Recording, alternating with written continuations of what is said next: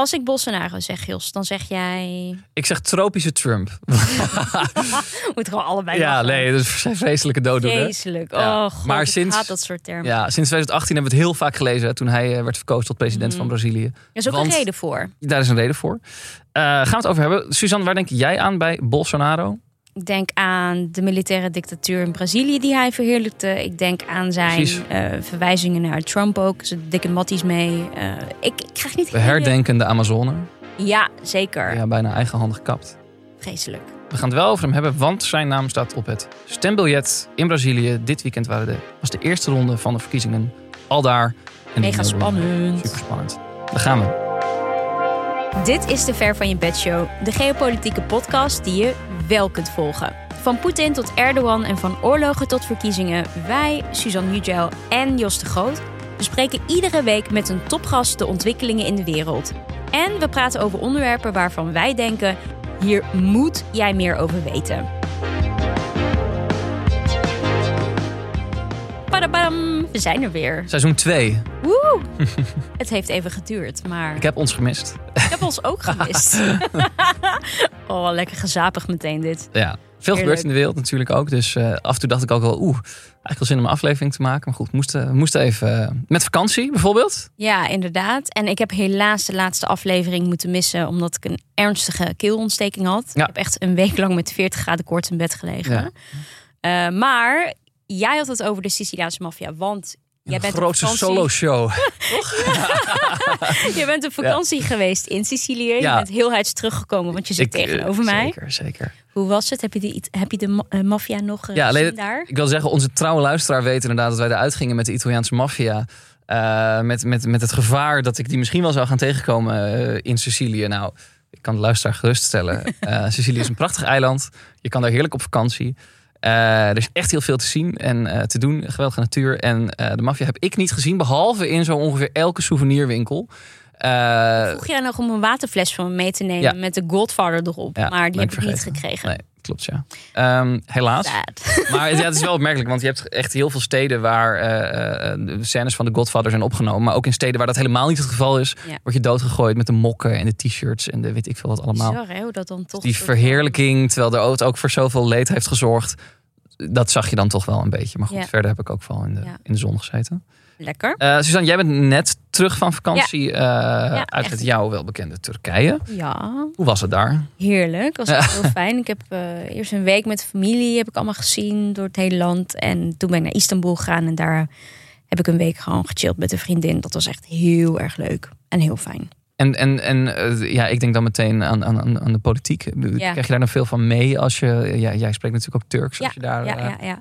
ja op mensen, straat loopt. mensen in Turkije die beginnen denk ik na drie zinnen al te praten over politiek. Oh Ondanks dat je dat niet wil. En ik had mezelf dit keer voorgenomen om niet over politiek te praten. Vooral te knikken. Omdat ik dacht, eigenlijk heb ik er Even geen zin in. Nee. Eh, ik, ik ben gewoon op vakantie.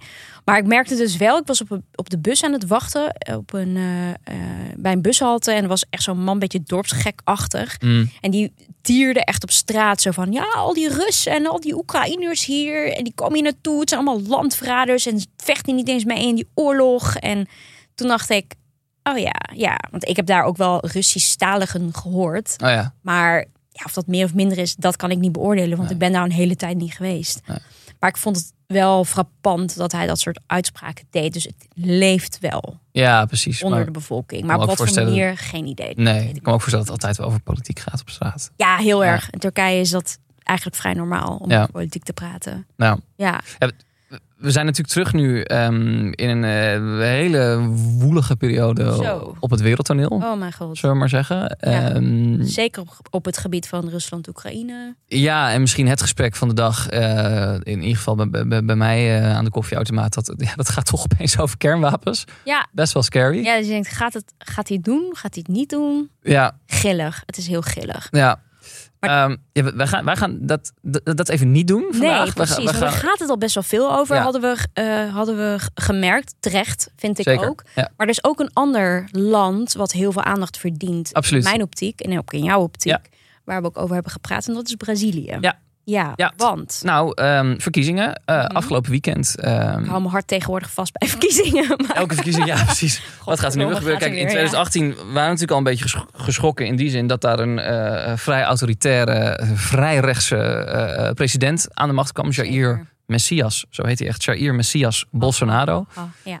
En deze verkiezingen neemt hij het op tegen Lula, die al eens eerder president was van Mhm. Brazilië. Mhm.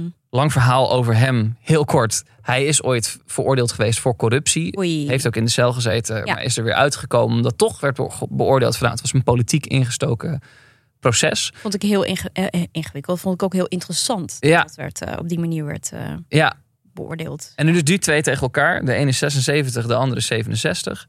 Ehm, en, ja, en zij moeten de toekomst van, van, van Brazilië gaan bepalen. Alleen, waarom is het nou zo spannend, Suzanne? Het heeft heel veel te maken met een Ja. wankele democratie. Precies. Nou, we hebben eigenlijk een paar dingen op een rij gezet waarom wij dachten: dit vinden we echt heel belangrijk. En dit is de reden waarom wij dit heel graag willen doen. Namelijk, eh, Bolsonaro is eigenlijk een man, een autoritaire leider die weinig respect heeft voor de democratie. Eh, die heeft eh, ook al eens gezegd dat hij sympathie heeft voor een militaire dictatuur, waarin één persoon eigenlijk aan de macht is. Dat heeft Brazilië gehad, nou te benen, Precies. vanaf eh, 1964 Ja. tot 1985. Nou, de New York Times heeft op een gegeven moment een artikel gepubliceerd waarin zij eh, eh, over de hele wereld eh, wankele democratie in, in kaart brachten naar aanleiding van een onderzoek. Brazilië stond daar dus ook tussen onder Bolsonaro.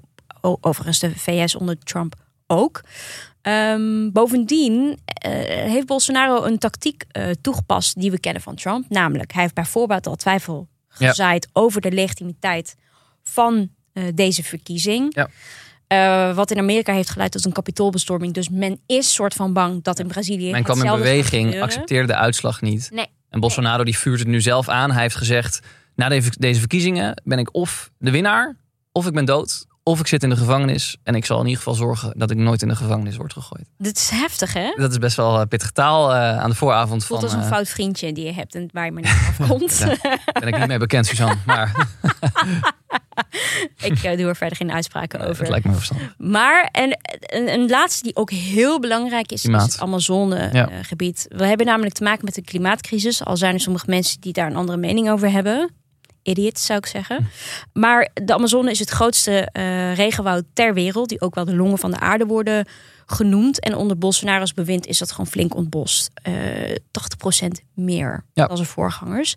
Dus ja, dat, dat- ook in Ook dat, dat staat op het stembiljet. Dat is precies. Die En dat- keuze. precies. Gaan we door met het kappen van de bomen? Of, eh, Nou, volgens mij hebben wij nu echt genoeg redenen gegeven waarom het heel belangrijk is om naar deze verkiezing te kijken. zeker.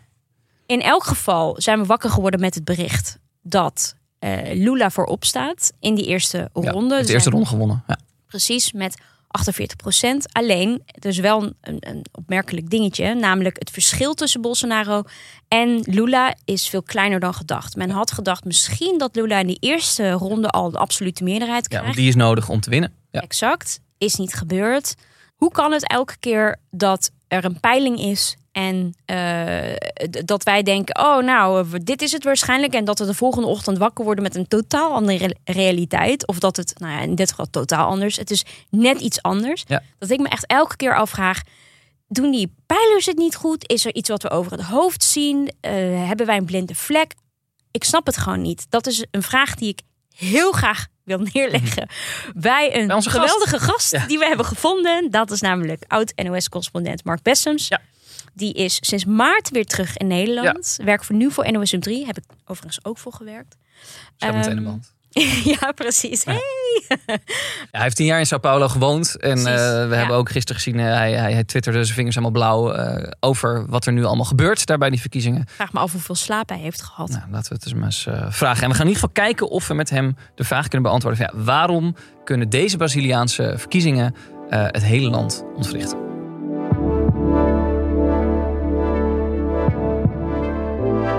Nou, Mark, welkom. Fijn dat je er bent. Hallo. Hoi. Nou, dit zijn volgens mij hele spannende dagen voor jou. Want Ja. eh, je noemt deze verkiezingen de belangrijkste sinds het land een democratie is. Mhm. Die day zag ik voorbij komen eh, op jouw Twitter. Heb je de afgelopen nacht überhaupt kunnen slapen? Nou, echt heel weinig, ja. ik, ik, ik wilde Zie niet af te zien, hoor. tijd naar bed. maar, maar ja, dat, ja, dat denk je, oh, dit- het is nu 13% geteld. Oh nee, nu 20. Dan wil je toch nog even door. Dus ja, Ja. nee, ik heb weinig geslapen, ja. Ja, snap ik. Ehm, wat zijn volgens jou nou de opvallendste ontwikkelingen van de uitslag? Ja, nou, er zijn heel veel. Mhm. Ehm, in de eerste plaats dat Bolsonaro het veel beter heeft gedaan dan alle peilingen hadden voorspeld. Ja. Dat is natuurlijk gewoon het grote nieuws.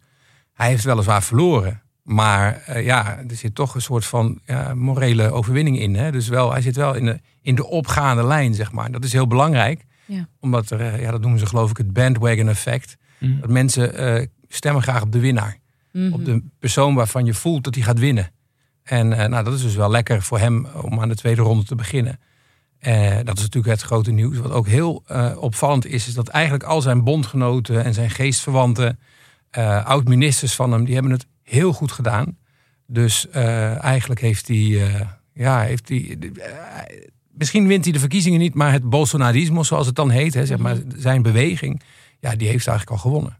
Nou, wat, dat viel mij dus ook heel erg op. En ik maakte me daar dus best wel boos over vanochtend. Ik dacht, weer heb je van die peilingen die, die gewoon eigenlijk niet helemaal klopten. Hoe, hebben wij een soort blinde vlek, waardoor we dus elke keer achteraf denken... oh, hij deed het toch beter dan we dachten. aankomen. ja. Precies. Ik, ik merk dat ik daar gewoon nu inmiddels een beetje gewoon pissig van word. Ik denk, Ja. hoe kan dat nou toch elke keer? Ja, maar op wie moet je dan pissig zijn? Ja, dat, Want- want- dat is een goeie. Want ik vraag me af of het nou. Ik, ik kan me niet zo goed voorstellen dat die eh, Braziliaanse opiniepeilers, die nou, heel, heel veel daarvan hebben best een goede naam, Mhm. dat die met opzet hebben gemanipuleerd. Nee. Dat, dat, geloof ik no- gewoon niet. Nee. Ehm, dus dan is het een foutje. Maar hoe komt dat dan? Eh, is het Precies. omdat mensen niet de waarheid durven te spreken? Is het omdat ze die mensen niet bereiken? Is het omdat er ja, eh, zo kort voor de verkiezing op hele, eh, hele korte termijn nog belangrijke beslissingen zijn genomen? Is het van alles een beetje? Ja. Ja. dat weet ik niet. Daar, daar gaat het nu natuurlijk in Brazilië ook over. En wat je trouwens zag, ik zie dat vanmiddag meteen al zeg maar de leider van de regering, hè, zo een van de bondgenoten van Bolsonaro, die heeft al meteen voorgesteld om een eh, nieuwe wet te gaan invoeren. Waarbij het strafbaar wordt gesteld als je als opiniepeiler eh, buiten de foutenmarge komt. Oh. Dus Oh, Oké. dat is heftig. natuurlijk gewoon vrij heftig. Zo. Dat lijkt mij nou niet. Nee, dat lijkt me niet de bedoeling. De Daarom, bedoeling. daarom stelde ik deze vraag Zeker niet niet. als we deze kant wel. Nee, precies. Nee, Ja. jeetje. Maar het is natuurlijk wel ja, opvallend. Ja, Wa- was, je, was jij verbaasd? Had, eigenlijk had wel. jij, ja, echt? Ik dacht misschien had jij het wel zien aankomen dat hij het Nou, ik, ik, ik dacht, ik heb daar eh, van wakker gelegen, letterlijk. Oh. Want, eh, nou, omdat je, ja, toen ik, terug, toen ik terugging, dat is inmiddels, wat is het, eh, een half jaar geleden, zeg maar. Toen had ik heel sterk het gevoel, nou, die Bolsonaro, ja, misschien gaat hij wel winnen. En dat kwam omdat ik daar zat. En heel veel mensen gewoon in mijn omgeving, die eigenlijk niet zo met politiek bezig zijn. Dat die al die, die, die, die, die, die foutjes en fouten van Bolsonaro, ja, toch min of meer waren vergeten. En dus had ik heel sterk het gevoel van, nou, sterk. Die man is toch nog, eh, je kan hem nog niet uitvlakken. Maar goed, inmiddels zit ik dan zes maanden hier en op afstand. En dan kijk je dus naar die peilingen en dan lees je alles. En dan denk je, nou ja, het is, wordt wel heel erg moeilijk voor hem. Ja. En, eh, en op papier is dat ook zo, hè. Ik bedoel, laten we niet vergeten, Lula heeft gewoon die eerste ronde gewonnen gisteren. ja, precies. Eh, maar ja, ik denk wel dat, dat, dat de afwezigheid, dus dat je van een afstand bent, dat het toch wel ietsje moeilijker is om dan Hmm. kleine dingetjes aan te voelen. Want, want even als we, als we naar Brazilië gaan. ehm, je zat gisteren van driftig te twitteren over, over alles wat gebeurde. En jij schreef, ehm, het worden spannende uren. Ik wou dat ik er was daar in het prachtige Brazil. Ja. Jij hebt er natuurlijk tien jaar gewoond. Ja. Wat is nou ook misschien op zo'n avond als gisteren... Wat, wat mis je dan aan dat land? Ik weet niet of ik op zo'n avond als gisteren het oude Brazilië mist. Brazilië mist, want het is echt een rotsfeer. Ja. Het is echt Ja. gepolariseerd. Ja. Maar over het algemeen eh, eh, is Brazilië gewoon een geweldig land. Het heeft mijn hart gestolen. Mensen zijn daar ongelooflijk gastvrij. Mm. Eh, ik heb heel veel vrienden daar gemaakt. Mijn twee dochters zijn er geboren. Die zijn Braziliaans-Nederlands. Dus ik voel daar een emotionele band mee. En dat mis ik elke dag. Ik mis natuurlijk ook het leven als correspondent. Dat je overal bij bent. Ik had graag daar eh, ja, ertussen gestaan. Want je, je was natuurlijk wel vier jaar geleden was je, was je bij de verkiezing van Bolsonaro. Zeker. Hoe, hoe was de sfeer in het land toen? Nou ja, dat is een beetje de comma die ik wilde maken. Want toen was het ook weer niet, was het niet zo dat ik nou per se daarbij wilde staan omdat het zo leuk was. Nee. Wel omdat het Romantisch, was. prachtig, Ja. Zuid-Amerikaans. Nee, nee. Vier jaar geleden, toen Bolsonaro had gewonnen, gingen eh, ik en mijn vrouw. Mijn vrouw was ook correspondent in Latijns-Amerika voor de concurrent RTL Nieuws. Sleeping with the Enemy. Kan gebeuren. En, ehm, en wij werkten ook nog eens een keer altijd samen met twee broers. Twee Braziliaanse broers, goede vrienden van ons geworden als cameraman. En we gingen met z'n vieren naar eh, eh, het overwinningsfeest van Bolsonaro in 2018. En ik ging met de ene broer die kant op en mijn vrouw met de andere broer die kant op. En wij hadden een vrij lastige avond waarbij mensen heel agressief waren. Maar eh, Sandra die heeft daar het nieuws gehaald. Die werd echt gewoon lastig gevallen. Mm. En eh, dus die sfeer was helemaal niet aangenaam. Dus niet En zo hoe dat moet ik me dan dat dan v- voorstellen? Als, Nou, als pers werd ze aangevallen? Ja, eh, de, de, de- er is gewoon een enorm wantrouwen eh, richting de pers. Hè. Dat, is, dat herkennen we natuurlijk. eh, dat is Mm. niet alleen in Brazilië zo. Nee. Eh, en dit was een van de eerste keer dat je dat meemaakt. Omdat Mm. tot die tijd je eigenlijk als buitenlander nog wel een beetje daar buiten bleef. Maar misschien omdat zij als blonde Nederlandse vrouw een, grote, dat, een opvallende verschijning is Ja. of zo. Ja, dat, dat trok gewoon vervelende aandacht. Bijvoorbeeld een aanhanger van Bolsonaro die continu echt op zo'n stukje naast haar bleef staan. Mm. Dan kan je niet zoveel doen. Nee. Maar je kan dus ook niet werken. Nee. En het voelt heel bedreigend. En wij hadden zelf, eh, ik en mijn kamerman, we hebben verschillende malen gewoon eh, even de gemoederen moeten, moeten ja, mensen moeten sussen. Zo van, nee, ik, ik ga je gewoon vertellen wat er gebeurt, meer niet, wat wil je zeggen. Ja, dat was, was, dat was eigenlijk wel echt heel heftig. Ja. En dat is nu alleen nog maar erger, want ik weet van collega's dat ze nu met eh, beveiligers dat... oh, naar- echt waar? ja, Want. Nina Jurna heeft jou opgevolgd. Ja, dat weet ik Dus- niet of zij met beveiligers... Dat weet ik niet. Maar ik weet van collega's in Sao Paulo... Oh, Oké, check. Ja. van de BBC, die vertelde me dat. Die hebben bijvoorbeeld eh, nu eh, gewerkt met beveiligers. Nou, dat was echt nooit nodig. Mm. Nee. Het zegt ook wel iets over hoe het land ervoor staat misschien. Ja, is en ook over tijdsgeest, denk ik. Ja. Ja. Ja. Ehm, dan even naar het nu. Eh, laten we even kijken naar de twee mannen. Twee eh, oude mannen, moet ik ook zeggen. 67 en 76. Eh, die op eh, 30 oktober bij de tweede ronde de muziek gaan bepalen. Die twee zijn nu overgebleven. Ja. Nou, de huidige president is Jair Messias. We moesten er net al heel hard om lachen. Die letterlijk. Messias heet. Dat is natuurlijk Ja. ja. Heel gek. Ik dacht dat het een grapje was, maar dat is het dus niet. Hij heet Ehm, echt zo, ja. Ja, precies. En de linkse oud-president eh, Lula de Silva. Wat we weten van Bolsonaro is dat hij geen fan is van eh, de democratie. Mhm. Velen in hem zien ook een bedreiging voor de eh, democratie en de liberale waarden. Je hebt zelf een video eh, getwitterd van hem, waarin hij eh, het volgende zegt. 1999 hè? 1999, Ja, goed dus om even erbij te vermelden. duidelijkheid. Ik versta er helemaal niks van, dus ik ga gewoon af op jouw eh, Portugees, moet ik zeggen. Me desculpa, né? Através do voto, você não vai mudar nada nesse país. Tá? Nada, absolutamente nada. Isso só vai mudar, infelizmente, quando um dia nós partimos Ja.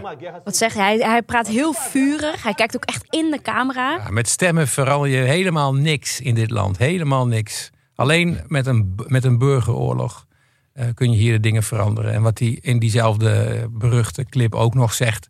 eh, ik parafraseer even, want ik weet het natuurlijk niet meer letterlijk uit mijn hoofd. Is ongeveer, eh, ja wij moeten gewoon het werk afmaken wat de militairen hebben laten liggen. 30.000 doden.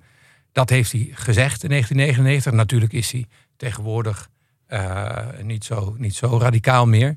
Maar hij heeft zijn leven lang eh, heel veel kritiek op de, op de democratie. En hij is een openlijk bewonderaar van de militaire, dictatuur. Eh, hij hemelt mensen op die tijdens de militaire dictatuur bekend stonden als beruchte martelaars. Mensen die letterlijk mensen martelen bedoel ik. Dus nee, ehm, zijn, zijn staat van iets wat dat betreft is niet heel best. Nee, en hij heeft natuurlijk in de afgelopen periode die, die, die, die toe, toeliep naar die verkiezingen van dit weekend, heeft hij eh, best wel vaak laten vallen dat hij, dat hij die verkiezingsuitslag misschien niet gaat accepteren. Daar heeft hij allerlei soort van dingetjes over gezegd. Ehm, is dat een reële angst dat hij de verkiezingsuitslag, als die dan komt over een maand, dat, dat hij die aan zijn laars slapt misschien wel? Eh, ja, daar zijn mensen al heel lang heel bang voor. Eigenlijk Ja. is hij al een jaar Dat is wel heftig. Ja, zeker. Eigenlijk is hij. eh, dat heeft natuurlijk allemaal te maken met 6 januari eh 2020 was het. Eh, Washington, het Zeker. van het Capitool. Mm. En dat scenario, daar zijn ze ook in Brazilië bang voor. Nou ja, niet helemaal, niet helemaal onterecht. Omdat Bolsonaro eigenlijk sinds 7 januari, zou ik maar zeggen... ook die, die, die tactiek heeft ingevoerd. Dus hij bekritiseert zo ongeveer elke dag sindsdien... het Braziliaanse kiessysteem. En dan gaat het over dat de stemcomputers niet betrouwbaar zijn en fraudegevoelig zijn. Het gaat over eh, rechters die daar Hè, dus je hebt een, je hebt een eh, eh, hoe zeg je dat, eh, electorale rechtbank. Mhm. Nou, daar kan je natuurlijk niet vertrouwen. Dus hij, hij zaait twijfel en dat doet hij al heel lang. Hij zaait ook twijfel over opiniepeilingen.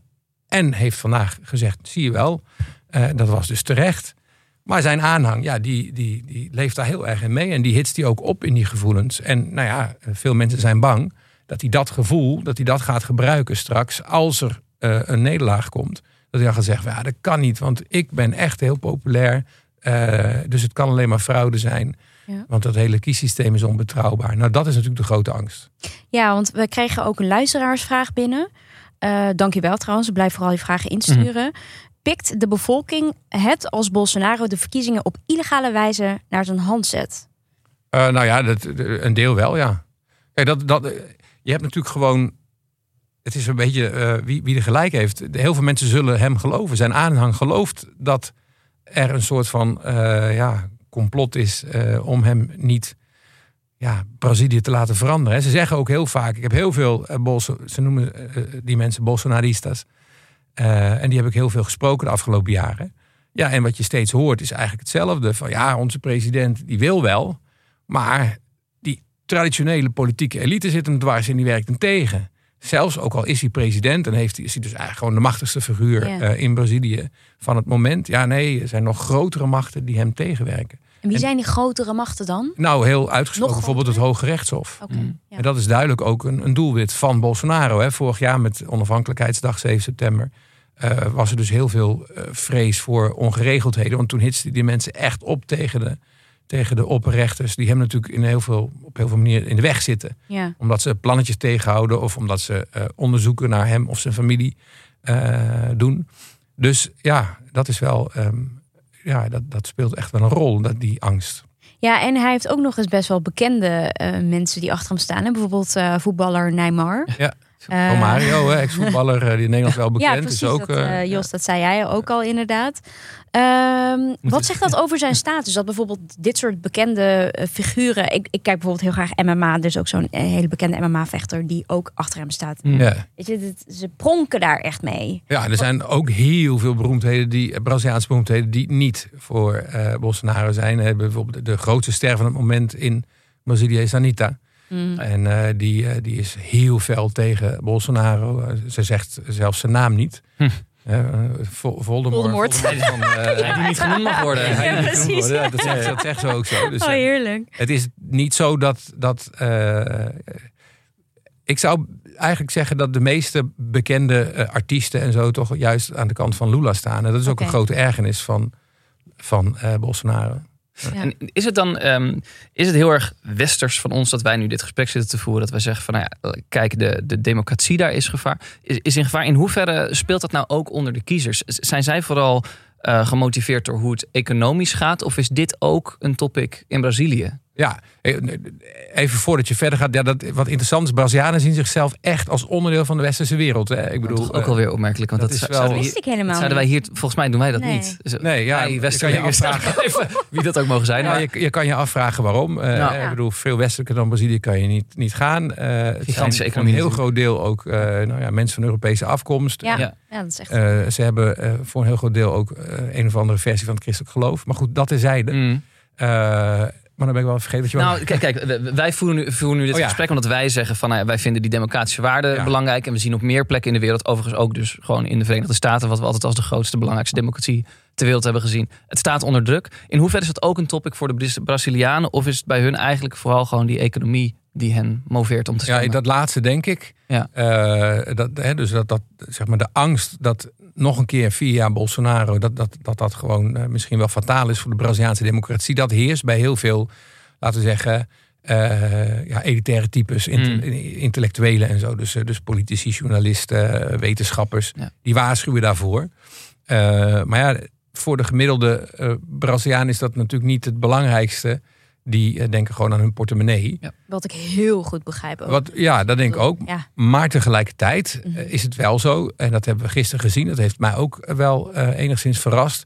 Dat, laten we zeggen, laat ik het de culture wars noemen. Hè, die, die, Mhm. die, die, zeg maar dat, ja, gewoon waar Bolsonaro voor staat, dat ruimere gedachtegoed. waarbij je bijvoorbeeld moet denken aan eh, hard tegen misdaad, maar ook eh, religieus. Nou ja, allemaal dat soort zaken. Dat is ook echt heel sterk onderdeel van eh, hun, hun vertrouwen in Bolsonaro. En ja, wat is democratie in de ogen van de mensen die echt fanatiek Bolsonaro-aanhanger zijn? Die geloven echt dat zij de meerderheid zijn. En dat ze, Bolsonaro zelf zei dat ook. als ik in de eerste ronde. accepteert u de uitslag? vroegen ze gisteren voor het stemmen. Toen zei hij eh, ongeveer zoiets als. eh, eh, ja, ik, ehm, als, de- ik denk dat als de verkiezingen eerlijk verlopen, dan heb ik, haal ik Oh. de- Ja. met 60% de eerste ronde. Hoppa. Niet Maar ik stel me voor dat die, die kiezers die hebben natuurlijk ook ervaren dat het economisch alleen maar slechter is gegaan in die vier jaar op Ja. Bolsonaro. dat dus dan toch, ik lees overal hè, van, we weten dat ongeveer een derde van de bevolking, die, die heeft hij sowieso in zijn zak. Maar dat, dat deel is eigenlijk nog veel groter, hebben we nu met die uitslag gezien. Het was 43% wat op hem stel- Ja. stemde. Toch fascinerend dat, dat, dat, dat dus blijkbaar dat er zoveel mensen zijn die economische redenen zijn nu voor ons reden om te stemmen op de oude president, de linkse Lula. Ehm, maar blijkbaar maakt dat dan toch niet uit of zo. Dat het dus Ja. helemaal niet al die beloftes die hij had vier jaar geleden, eigenlijk helemaal niet te waar gemaakt. Nee, maar ja, hij heeft natuurlijk wel al eh, een redelijk goede smoes, eh, namelijk de pandemie. Ja, Hè? Ja. En je ziet het nu ook. super het serieus nam vanaf Gaat het, overal eh, slechter weer. Nee, maar hij, van het begin af aan heeft hij gezegd: eh, we moeten niet alles eh, dichtgooien, geen lockdowns, want dan gaan we het over vier jaar eh, hebben over werkloosheid, et cetera. En dat herhaalt hij nu natuurlijk Ja, ja. heel erg. En dat hij eh, het verder dat hij er echt een zootje van gemaakt heeft, wat, wat je gewoon objectief kunt, kunt vaststellen als je ziet dat hij alleen al vier ministers van Volksgezondheid heeft versleten, bijvoorbeeld. Nou ja, en, en allemaal dat soort dingen. Ja, dat, dat is dan eventjes op de achtergrond. Dus ja, het is een beetje een combinatie. Het is ook zo dat heel veel van zijn fanatieke aanhang in het zuiden en zuidoosten van Brazilië zit. Wat wat rijker is, wat Europeeser is, wat eh, over het algemeen. Ja, de, de- bijvoorbeeld de agrobusiness, dus de, de landbouwsector, een motor van de Braziliaanse economie, is daar heel sterk. Ja, en daar is hij gewoon de winnaar. Ja. Hè? En in het armere Noordoosten, waar echt heel veel mensen, nou ja, zelfs honger hebben, daar is Lula de winnaar. Dat land is ook echt verdeeld. Je kunt het gewoon op een kaartje zien. En laten we zeggen dat Bolsonaro dan de blauwe onderkant is een beetje en dan de rode bovenkant Mhm. is zo. Dat, dat, die stemt Lula. Goed dat we eh, Over Lula Lula hebben. dat is best belangrijk. Het is eigenlijk Nee, gewoon we hebben het al heel lang over Bolsonaro, maar Lula won. Lula won Ja. inderdaad. Eh. De eerste ronde heeft hij gewonnen. Eh, maar hij is ook president geweest, moeten we zeggen. Ja. Ehm, maar hij heeft een geschiedenis met corruptie. En dat is ook aan hem blijven hangen. Ondanks dat hij er op een gegeven moment van is vrijgesproken. Ja, en dat? het is niet verklaard, niet echt vrijgesproken. Ja, nee. precies. Want omdat het politiek gemotiveerd zou zijn. Wat ik interessant vind is, hoe, hoe kan het dat, dat blijkbaar Brazilië weer grijpt op een, op een oud president? Is er geen nieuw, nieuw jong bloed eh, bijvoorbeeld? Nee, dat, dat blijkt. Nee, dat was heel erg. Eh, In mijn eigen vriendenkring heb ik heel veel mensen die gewoon echt ba- balen dat ze moeten kiezen tussen Bolsonaro en Lula. ik bedoel, ik. dat is kiezen tussen twee kwaden. Ja. Eh, en die twee mannen hebben elkaar ook eigenlijk nodig. Eh, omdat, ja, Om die tweestrijd te laten alleen, zijn. ja, precies. Ja. Mm. alleen met zo'n grote vijand maak je nog een kans. Ja. Maar die derde weg, waar ze het dan in Brazilië heel lang over gehad hebben, ja, die hebben dat hebben we gezien gisteren. Die hebben, ja, je hebt een Simone Tebet, die is dan een beetje, zeg maar, centrum rechts. Die kreeg iets meer dan 4%. Ciro, centrum links, die viel tegen met ongeveer 3%. Ja. Dus dat is gewoon niet op dit moment. Er is niemand die die, die, die rol eh, kan, eh, kan vervullen. Ja. En waarom ze dan toch op Lula stemmen, ja, dat is dus voor een heel groot deel omdat ze eh, Bolsonaro verschrikkelijker vinden dan dat ze Lula verschrikkelijk vinden. Wat is Lula's verhaal nou eigenlijk? Eh, waarom is hij toch, ondanks dit verhaal, ehm, heeft hij zoveel stemmen weten? Nou, het is een charismatische man. Het is iemand die al heel lang het politieke, ja, de politiek van Brazilië domineert. Of in ieder geval hele, ja, echt een hoofdrol speelt. Ehm, eigenlijk al sinds de dictatuur, waarbij hij vakbondsleider was. Hè. Hij heeft eh, als metaalarbeider. Hij komt uit een heel arm nest in het Noordoosten. eh, is net als heel veel andere arme mensen uit Noordoost-Brazilië naar de grote steden in het zuiden eh, geëmigreerd. In een fabriek terechtgekomen. Is daar zijn, zijn vinger, eh, een van zijn vingers kwijtgeraakt. Eh, bij zo'n machine opgeklommen eh, via de vakbond. Eh, uiteindelijk heeft hij het geschopt tot president. In een tijd, dat moet gezegd worden, waarbij de economie heel goed ging. Dus daar heeft hij goed gebruik van gemaakt. Ja, precies. En het ging heel goed met het Brazilië onder Lula. Want het Brazilië van Lula. Want in 2010, toen hij wegging, toen had het land een recordgroei. Dus ja, dat was voorspoed. Een beetje geholpen door toeval. Maar ja, daar speelt hij dus nu ook zijn hele campagne op in. Zo van, ik heb echt maar geen zin in die haat van Bolsonaro. Ik heb alleen maar liefde en blijdschap. En denk terug aan de tijd toen ik aan... Dat was ook zo gezapig, toch? Ja, dat is het. En het- en dat, dat, maar het werkt dus voor een heel Ja. groot deel eh, wel. Eh, maar ja, hij heeft natuurlijk wel een probleempje. Want hij heeft eh, na zijn ambtstermijnen uiteindelijk ook een dik jaar in de gevangenis gezeten. Daar kan je een hele podcast over vullen. En het is heel ingewikkeld. Ja. Maar uiteindelijk is hij is dus veroordeeld. Maar uiteindelijk in eh, het Hoge Rechtshof hebben ze gezegd... ja, maar dat, dat, die rechtszaken dat, eh, was niet eh, zoals het hoort. Omdat zeg maar, de onderzoeksrechter en de aanklager eigenlijk onder één hoedje hadden gespannen. Dus er, is, echt, gewoon- er zijn gewoon fouten gemaakt. Ja. Dat is iets anders dan dat hij is vrijgesproken. Ja, precies. Ja, ja inderdaad. en, Dat en dat kleeft natuurlijk zeker nog aan een corruptie. Maar ondanks dat wel gewonnen vandaag. Hij is natuurlijk een linkse, eh, linkse leider. Je ziet veel meer linkse leiders in Zuid-Amerika op dit moment. Ehm, het, is een vraag die eraan zal komen natuurlijk. Maar maakt eh, Latijns-Amerika nou een, een soort van swing naar links? Of is dat veel te makkelijk om er op die manier naar te kijken? Ja, dat, vind, dat laatste. Ik vind dat, eh, dat het meer een. er zullen vast mensen andere ideeën over hebben. Maar kijk, wat mij betreft is veel interessanter. Dat, wat ze gemeenschappelijk hebben, is eigenlijk een soort anti-stem. Hmm. Hè? En, en, en dat zie je in Colombia bijvoorbeeld. Waar voor de eerste een linkse president is. Dit is iemand die nog nooit eerder, hè, een beweging die nog nooit eerder aan de macht was. Dus nou, dan laat, we zijn niet tevreden. Nou, dan gaan we het eens met die proberen. In Peru is dat gebeurd. Chavez is ooit zo aan de macht gekomen. Eh, en, en, en Bolsonaro eigenlijk ook. Mhm. Alleen was hij dan toevallig rechts. Aan de andere kant. Ja. Hè? En straks in Argentinië, als er verkiezingen zijn, daar is nu een linkse regering. Ik kan me voorstellen dat die dan eh, gaan winnen. Dus ik denk dat dat, ja, het- ik ben het helemaal zat gevoel, dat dat belangrijker is dan links. Maar inderdaad, als je nu kijkt naar de kaart, dan zijn er natuurlijk wel veel eh linksige eh, types. Ja. Waar komt dat ik ben het zat gevoel in Brazilië vandaan? Eh, in heel Latijns-Amerika denk ik dat er een teleurstelling is met de democratie. Hè. We hebben in de jaren, eh, zeg maar, einde 80, 90, hebben, kwam, er, kwam er een einde aan al die militaire dictaturen waar Latijns-Amerika helaas zo bekend om is. Al die juntas en zo. Mhm. En toen was er wat ze dan Washington Consensus noemen. Er was een soort van eh, ja, eh, Amerikaans, democratisch, vrije marktmodel. Was overal wel, wel, wel gangbaar, met een enkele uitzondering. En toen hadden mensen gewoon het idee, nu gaat het beter worden. Nu krijgen we het goed. En dat is niet gelukt. Eh, we hebben nog steeds problemen. 33 miljoen mensen in Brazilië gaan met honger naar bed elke dag. Dus, dus er is teleurstelling. Het gaat niet hard genoeg. Het gaat niet ver genoeg. De ongelijkheid blijft. Ja, dat is denk ik wel een gemeenschappelijke factor. Ja. En nou ja, de komende weken, de 30 oktober, gaan er weer nieuwe verkiezingen aankomen. Ehm, wat kunnen we de, de komende weken eigenlijk verwachten? Want de verkiezingscampagne gaat nu helemaal los, denk ik. Ja, en toch? wordt, en wordt nog veel harder, denk ik. Ja, Ja? ja kijk, Bolsonaro eh, is al een. eh, die staat al bekend om zijn wat agressievere toon.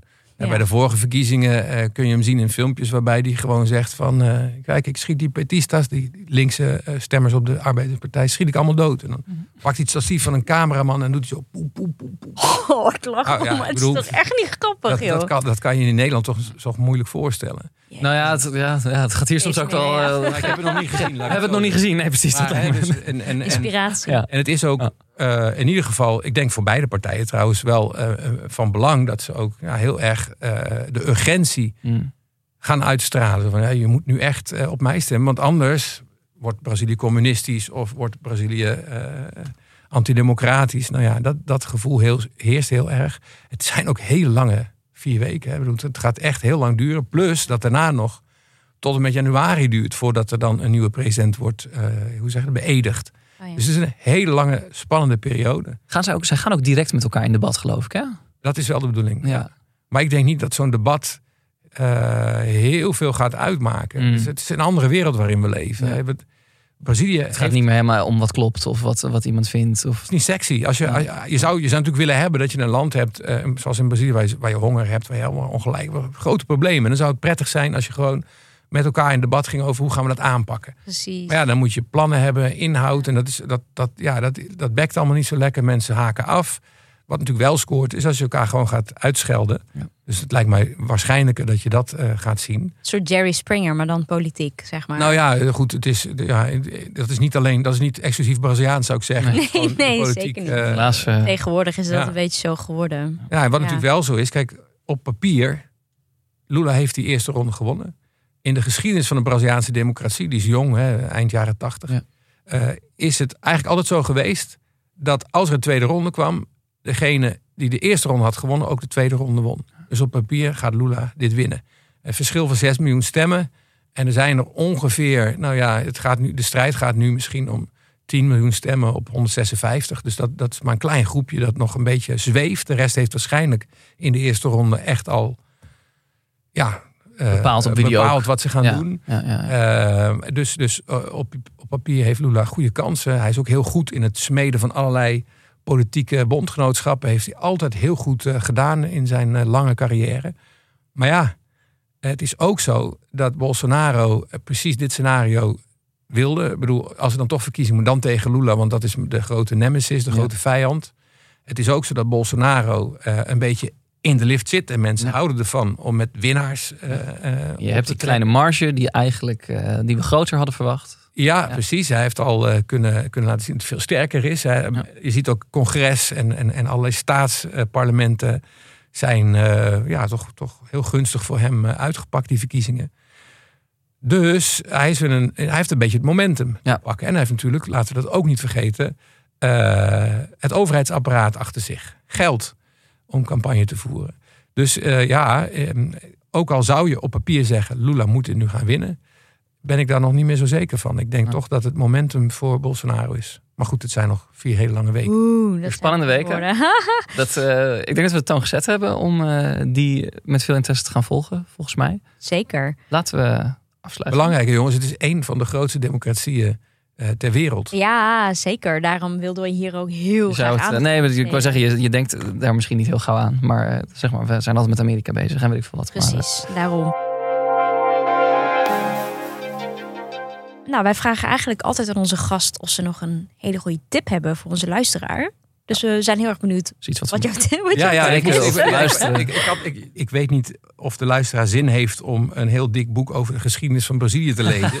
maar dat zou mijn, dat zou mijn tip zijn. Ik heb hem, we hebben vier weken. Het, Gooi ja. Te overbruggen. het, is, het, is, het is een hele dikke pil, hè, maar hij is wel in het Engels. Want ze hebben hem vertaald van twee eh, Braziliaanse historici die echt keigoed zijn. Eh, Lilia Schwartz en Eloisa Starling. En het heet Brazil Biography in het Engels. Biografie van Brazilië. En eh, dan zul je zien dat het echt een geweldig interessant land is. Met een geschiedenis waar je nou, eh, van opkijkt. Ehm, wist u bijvoorbeeld dat het ooit een keizerrijk is geweest? Eh, wist je dat Oh, dat daar bijvoorbeeld tot de dag van vandaag nog mensen in het zuiden van Brazilië in pakjes van geconfedereerde Amerikaanse soldaten feest vieren? Dus dat zijn de soldaten die de Amerikaanse burgeroorlog hebben verloren. Die zijn daarna in de 19e eeuw in Brazilië terechtgekomen. En daar zwaaien ze er lustig op los met al die symbolen die in de Verenigde Staten inmiddels eh, niet meer kunnen, zou ik maar zeggen. Ja, Het is een geweldig interessant land.